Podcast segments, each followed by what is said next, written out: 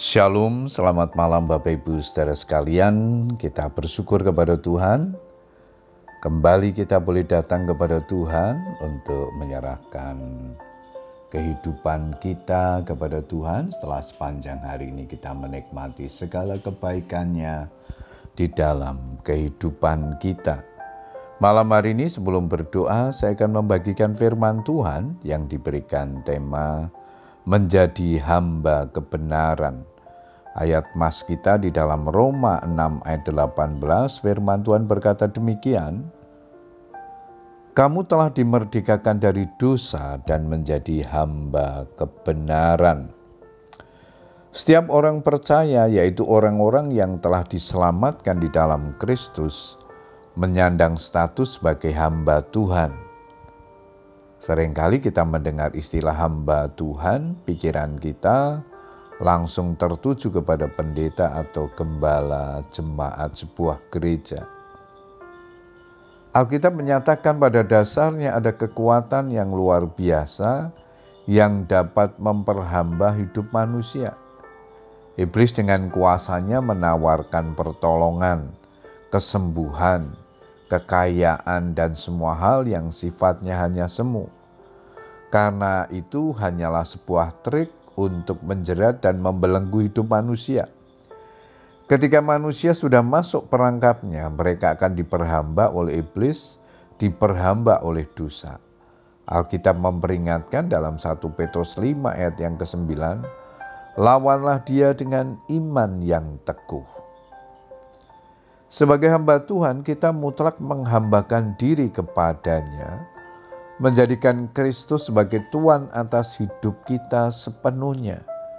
Jadi, setiap manusia hanya dihadapkan pada dua pilihan: menjadi hamba Tuhan atau hamba kebenaran, atau menjadi hamba iblis, yaitu hamba dosa.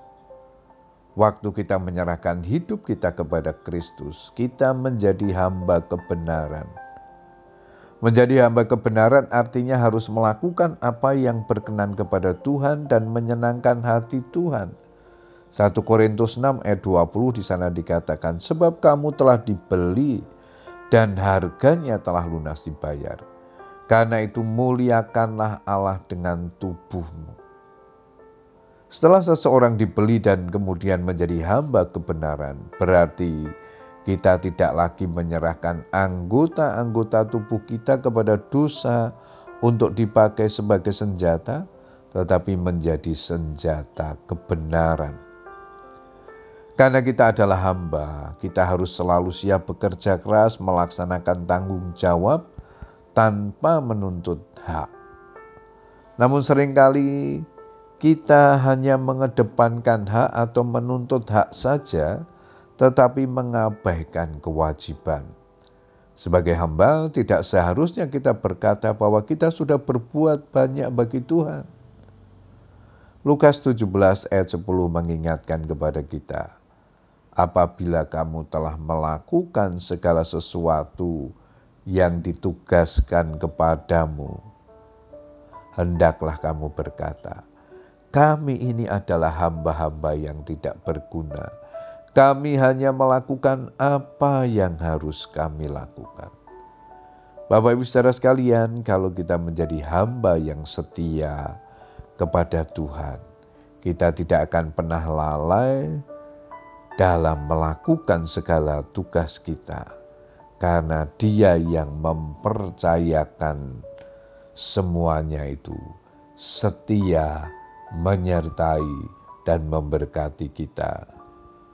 Puji Tuhan Bapak Ibu Saudara sekalian, biarlah kebenaran firman Tuhan yang kita baca dan renungkan malam hari ini menjadi berkat di dalam kehidupan kita. Selamat berdoa dengan keluarga kita, Tuhan Yesus memberkati. Amin.